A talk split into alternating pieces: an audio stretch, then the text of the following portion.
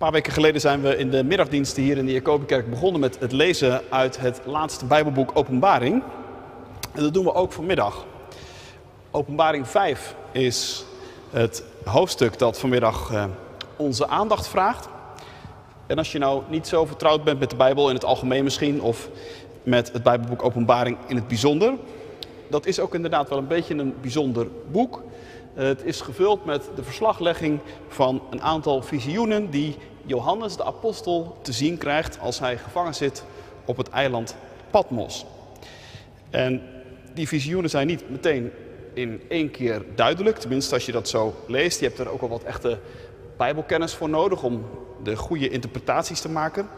Vanmiddag doen we ons best om samen wat verder door te dringen in Openbaring 5. En het wordt ons eerst uh, voorgelezen. En ik zag in de rechterhand van hem die op de troon zat een boekrol, van binnen en van buiten beschreven, verzegeld met zeven zegels. En ik zag een sterke engel, die met luide stem uitriep: Wie is het waard de boekrol te openen en zijn zegels te verbreken? Maar er was niemand in de hemel en ook niet op de aarde of onder de aarde die de boekrol kon openen of hem inzien. En ik huilde erg, omdat er niemand werd gevonden die het waard was die boekrol te openen, te lezen of in te zien. En een van de ouderlingen zei tegen mij: Huil niet. Zie, de leeuw die uit de stam van Juda is, de wortel van David, heeft overwonnen om de boekrol te openen en zijn zeven zegels te verbreken. En ik zag en zie, te midden van de troon en van de vier dieren en te midden van de ouderlingen stond een lam als geslacht, met zeven hoorns en zeven ogen. Dat zijn de zeven geesten van God, die uitgezonden zijn over heel de aarde. En het kwam en heeft de boekrol genomen uit de rechterhand van hem die op de troon zat. En toen het de boekrol genomen had, wierpen de vier dieren en de 24 ouderlingen zich voor het lam neer. Zij hadden elk een citer en gouden schalen vol reukwerk. Dit zijn de gebeden van de heiligen.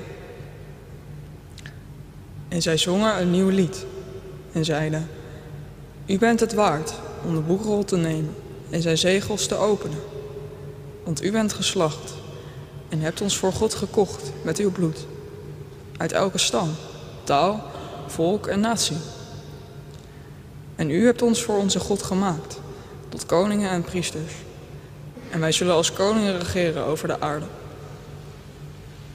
En ik zag en hoorde een geluid van vele engelen rondom de troon, van de dieren en van de ouderlingen. En hun aantal bedroeg tienduizenden tienduizendtallen en duizenden duizendtallen. En zij zeiden met luide stem: Het lam dat geslacht is, is het waard om de kracht te ontvangen en rijkdom, wijsheid, sterkte, eer, heerlijkheid en dankzegging. En elk schepsel dat in de hemel, op de aarde, onder de aarde en op de zee is, en alles wat daarin is, hoorde ik zeggen: Aan hem die op de troon zit en aan het lam zij de dankzegging, de eer, de heerlijkheid en de kracht in alle eeuwigheid. En de vier dieren zeiden: Amen. En de 24 ouderlingen wierpen zich neer en aanbaden hem die leeft in alle eeuwigheid. Tot zover de lezing uit het woord van God vanmiddag. Dit is het woord van God voor jou, voor u, voor mij. Gelukkig zijn we als we het woord van God bewaren in ons hart en daar ons vertrouwen op stellen. Halleluja. Amen. Straks in de preek staan een paar versen centraal. En dat zijn de versen 9 en 10. Ze zongen een nieuw lied, staat er. En ze zeiden, u bent het waard om de boekrol te nemen en zijn zegels te openen.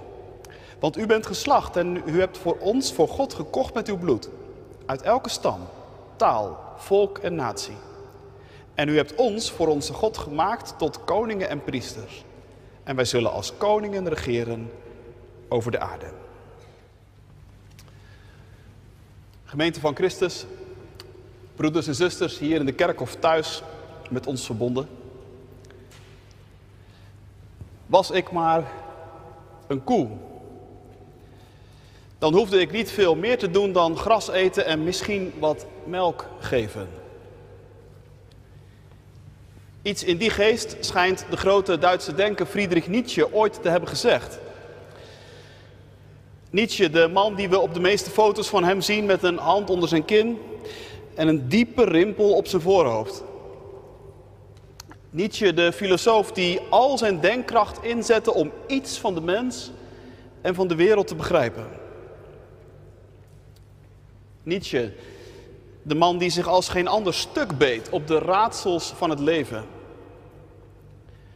En die verschillende keren periodes kende waarin het hem allemaal even veel te veel werd. Periodes waarin hij stuk liep op alle losse eindjes en onopgeloste puzzels. Periodes waarin hij verzuchtte maar liever een koe te willen zijn. Verlost van de last om alles maar te willen en moeten begrijpen en te doorgronden. En in plaats daarvan gewoon maar gras te eten. Uren te liggen herkauwen. Heerlijk. Hooguit twee keer per dag even opstaan om wat melk te geven.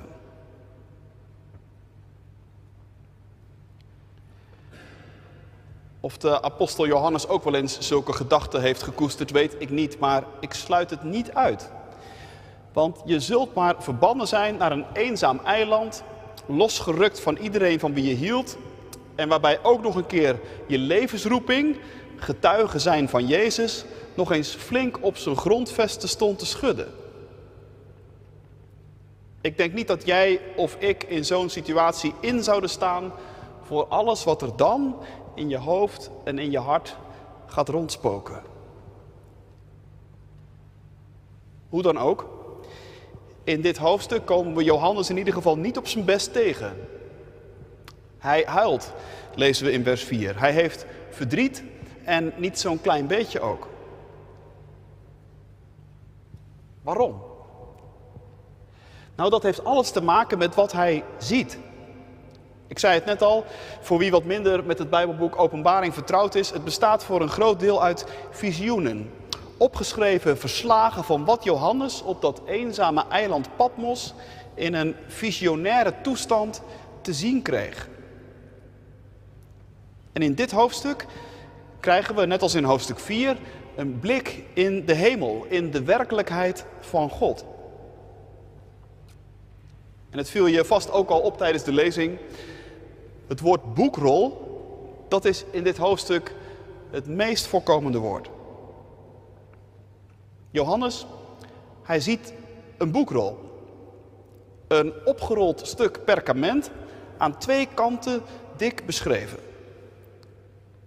En het ligt in de rechterhand van hem die op de troon zat, staat er.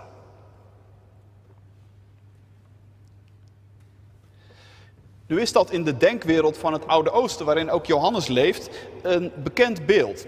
Bij troonswisselingen gebeurde het vaker dat de aftredende koning aan zijn opvolger bij het bestijgen van de troon een boekrol overhandigde. Een rol met staatsgeheimen bijvoorbeeld. Of met goede adviezen van de gaande aan de komende man. Een beetje zoals een aftredende Amerikaanse president doet als hij de deur van Oval Office voor het laatst achter zich dichttrekt en een envelop voor zijn opvolger op het bureau achterlaat. Tenminste, dat zegt het verhaal. Ik, ik, heb dat nooit gezien. En of dat in het echt ook zo gaat, weet ik niet zo zeker. En zo waren er ook in de tijd van Johannes ook al meer mythische verhalen rondom boekrollen in de hand van koningen ontstaan. Ja, dachten mensen soms, die boekrollen die zouden misschien ook wel eens informatie kunnen bevatten, geheime informatie over het lot en over de toekomst van de wereld. En de koning, dat was dan natuurlijk degene die er min of meer als enige toegang toe had. Wat hem natuurlijk weer een hele bijzondere status gaf.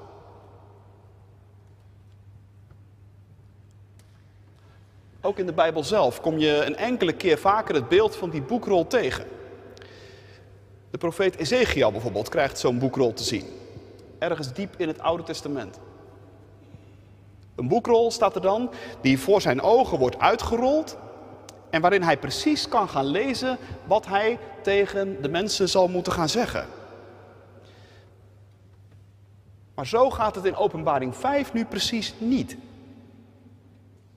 De rol die Johannes ziet, die gaat helemaal niet open. Die is met maar liefst zeven lakzegels dichtgemaakt. Dat ding zit potdicht. En dat is nu precies wat Johannes zo van zijn stuk brengt. Want wat zou hij graag zien dat dit boek openging? Wat zou hij graag zien dat hem iets onthuld werd?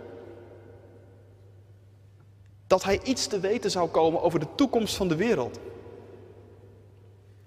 Wat zou hij graag zien dat er een paar grote levensvragen zouden worden beantwoord? Of een paar wereldraadsels zouden worden opgelost? En misschien, misschien dat er in dat boek ook wel iets over hemzelf zou staan, wie weet. Waardoor hij zijn eigen kleine verhaal misschien een klein beetje beter zou gaan begrijpen. Hoe fijn zou dat zijn?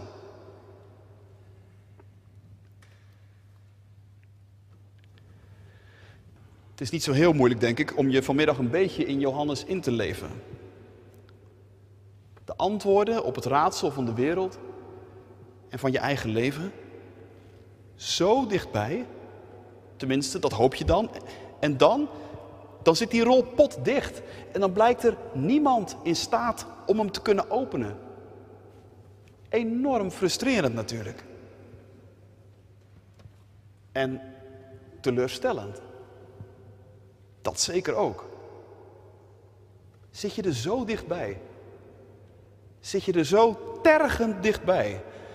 En dan toch net niet.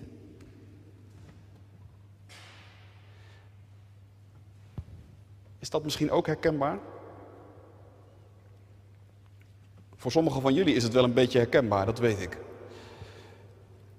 Bij de start van een seizoen beleideniscategese hoopte je dat je in dit jaar, dat het een jaar zou worden waarin alle zegels van het boek open zouden springen. Om het even zo te zeggen. Waarin je grote antwoorden op grote vragen zou gaan krijgen. Nee, niet op alle vragen natuurlijk niet, maar, maar toch. Helemaal zonder hoop is niemand van jullie eraan begonnen. En, en aan het einde van zo'n traject maak je dan ook vanzelfsprekend een beetje de balans op. En vraag je je af in hoeverre er ook zoiets gebeurd is. Zo werkt dat.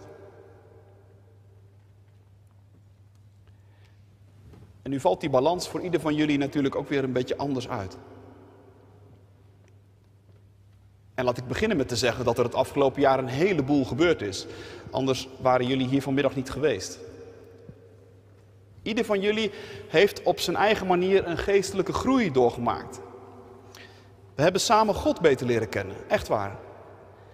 En we hebben ook onszelf beter leren kennen. Dat blijkt vaak verrassend samen op te gaan.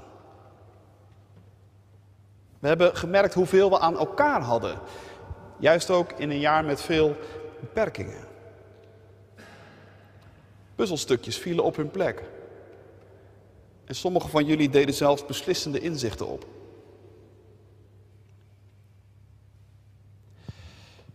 Maar hé, hey, aan wat je in zo'n jaar kunt doen, daar zit natuurlijk ook een grens aan. Om te beginnen gewoon praktisch. We hadden nog heel wat thema's op ons lijstje staan waar we simpelweg niet aan toe kwamen.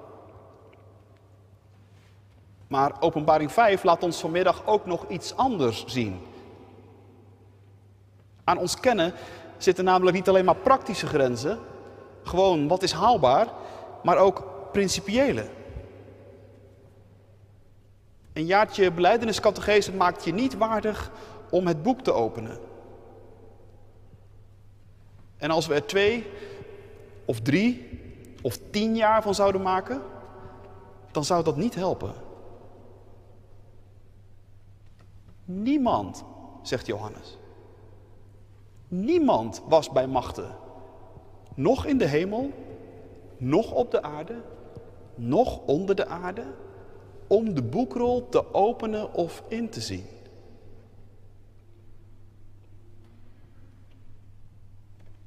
Dat ligt dus niet aan onze inspanningen. Dat ligt niet aan de kwaliteit van onze gesprekken. Niet aan hoe serieus we bezig zijn geweest. Dat ligt niet aan hoe fit, hoe wakker en hoe alert we nog waren na een lange dag van werk of studie. Uiteindelijk doen al die dingen er niet toe. Ook alweer een geruststelling, eerlijk gezegd. Waar het wel om gaat, zegt dit hoofdstuk, dat is om de vraag wie er waardig is om de boekrol te openen. En dat is een heel ander soort vraag. Waardig, dat gaat niet over kennis, of niet in ieder geval niet alleen over kennis en over weten. Waardig, dat gaat ook over de vraag of je ergens recht op hebt. Of het jou toekomt iets te mogen doen. In dit geval de zegels van deze boekrol te verbreken. En waardig, daar hoort ook bij of je dat aan kunt. Of je dat kunt dragen.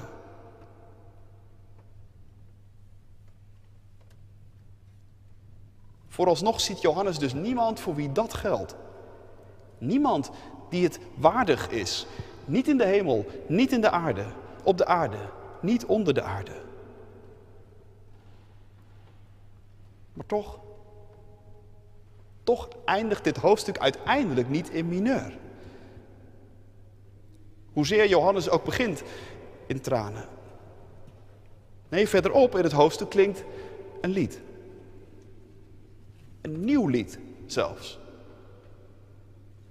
Want tot ieders verrassing is er toch iemand gevonden die het waardig is om die boekrol in ontvangst te nemen en open te gaan maken. Ineens hoort Johannes het zingen. U bent het waard. U bent het waard om de boekrol in ontvangst te nemen en de zegels te openen. Over wie gaat dat, zeg je? Wie is die u? Nou ja, dat is nog wel even een vraag. In vers 5 wordt die u aangekondigd als de leeuw uit de stam van Juda. Maar als Johannes dan rondkijkt, dan ziet hij tot zijn grote verbazing geen leeuw, maar een lam. En dat lam staat er dan, probeer het voor je te zien, bevindt zich in het midden van de troon. Met andere woorden, dat lam zit in het hart van het verhaal. Dat lam zit op precies dezelfde plek als waar Johannes in het vorige hoofdstuk God zelf zag zitten. En van dat lam worden dan twee dingen gezegd. Het is geslacht, staat er, en het staat. Nou is dat logisch gezien natuurlijk een beetje moeilijk te combineren, laten we eerlijk zijn. Want wie dood is, die ligt. Zo is dat nu eenmaal zo. Maar dit geslachte lam staat. Nu ja, als je wat meer vertrouwd bent geraakt met de beelden van het Bijbelboek Openbaring, dan heb je al eerder kunnen merken dat daar in één beeld soms, in één plaatje, een heleboel bijbelse gegevens als het ware in elkaar worden geschoven. Hier gaat het dus om een leeuw die eruit ziet als een lam, die iets heeft met David en met Juda, die geslacht is en toch niet dood. Als je de Bijbel kent, dan weet je dat er eigenlijk maar één is, bij wie al die puzzelstukjes tegelijk als het ware in elkaar vallen. En dat is Jezus, de zoon van David, uit de stam van Juda. Hij die het lam van God genoemd wordt, dat de zonde van de wereld wegdraagt. Hij die de gekruisigde en de opgestane tegelijk is. Hij is de enig denkbare die in staat is om dat raadselachtige boek te openen.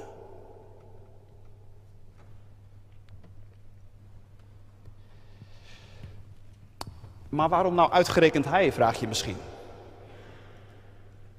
Nou, ook daar geeft dit lied een antwoord op. Dit lam heeft namelijk iets onvoorstelbaars gedaan. Zijn dood was niet zomaar een dood, zijn dood was een offer.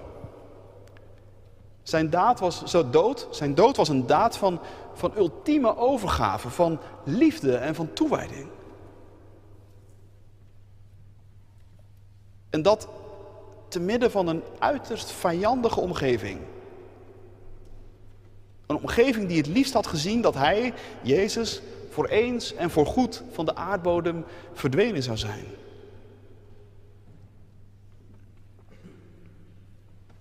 Maar dat is dus anders gelopen. Jezus leeft. Hij is de levende gebleken. En zijn dood, die bleek niet het einde van een treurig, mislukt en veel te vroeg afgebroken leven. Nee, zijn dood bleek het begin van iets onvoorstelbaar groots, iets onvoorstelbaar nieuws. Rondom de levende Jezus is een gemeenschap ontstaan. En wat voor gemeenschap? Een unieke gemeenschap. Johannes krijgt het allemaal te horen in het lied dat hij hoort zingen. Het is een gemeenschap uit elke stam, elke taal, elke gemeenschap en elk volk. Dat is nog eens divers en inclusief. Maar zeg je, wat is dan misschien wat al die verschillende mensen zo divers met elkaar bindt? Nou, dat is denk ik maar één ding. Dat is de ontdekking dat Jezus hen vrijgekocht heeft. Dat hun leven in de handen ligt van Hem.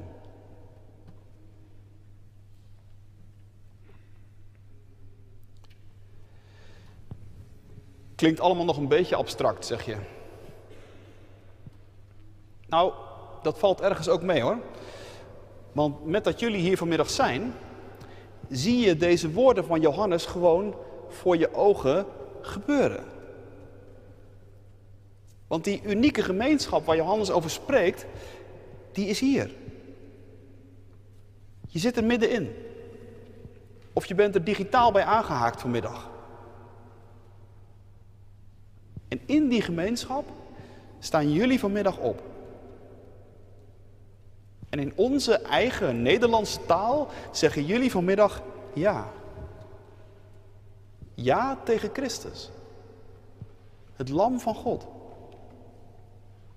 En daarmee voeg je jezelf als het ware bij die unieke gemeenschap die zo ontzettend divers is samengesteld uit allerlei volken en waarin zo heel veel verschillende talen en nog veel meer dialecten worden gesproken.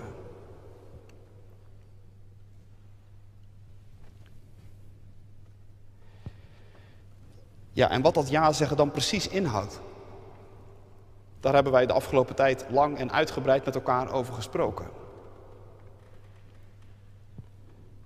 En vanuit dit hoofdstuk zou ik er vanmiddag dit over willen zeggen.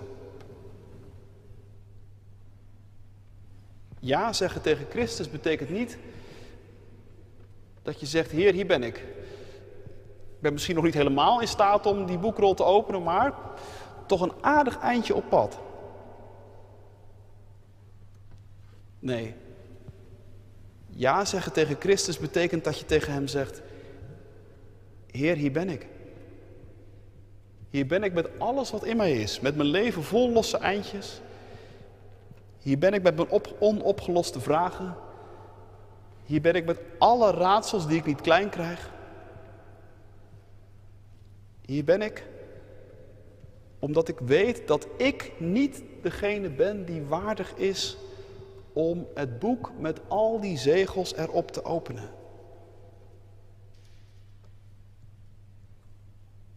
En dat dat, God zij dank, ook niet hoeft.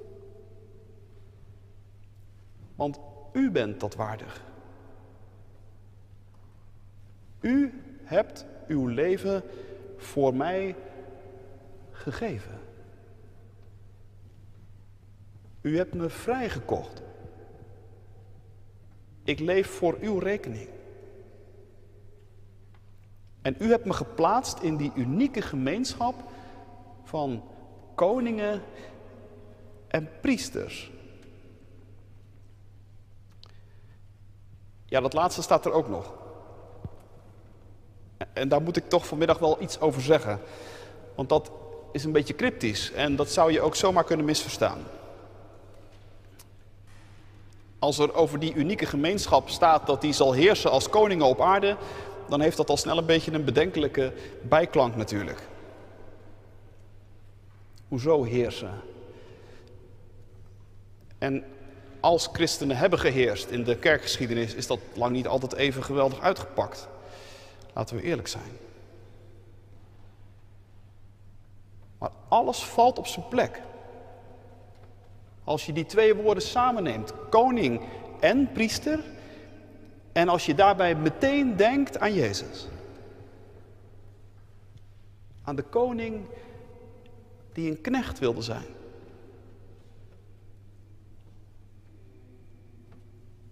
En als je dan wilt weten hoe zo'n leven er concreet uit kan zien, denk dan nog even terug aan de film die wij keken vorige week met elkaar in het weekend waarin we ons op deze dag voorbereiden. Die film over die kleine groep monniken in Algerije, die daar als priesters leefden, dienend en liefhebbend, te midden van hun dorp. Maar die ook op beslissende momenten koninklijk nee konden zeggen. Nee, sorry, zeiden ze. Ons klooster hoeft niet door militairen van het regeringsleger te worden bewaakt. Dank u vriendelijk. Nee, sorry, zeiden ze. U kunt ons niet dwingen onze hele voorraad medicijnen aan terroristen te geven. Zelfs niet nu u met een automatisch wapen voor ons staat. Onze plek is hier. Hier willen wij dienen als priesters. Ook als het ingewikkeld wordt. Prachtig voorbeeld van een leven als koning en priester tegelijk. Waarbij je grondwet de bergrede is.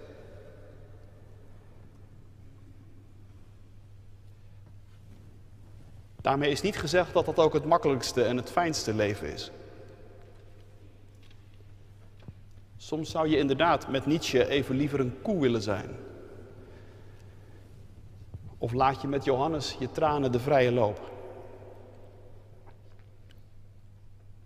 Maar God zij dank zijn er op die weg altijd weer engelen die tegen je zeggen: Kijk daar, het lam van God. Hij heeft je vrijgekocht, weet je nog? Hij zal ook dat raadselachtige boek gaan openen. Op zijn tijd. Want hij is waardig, hij alleen, om te ontvangen alle eer, alle macht, alle rijkdom, alle sterkte alle glorie. Lof zij u, Christus, tot in eeuwigheid.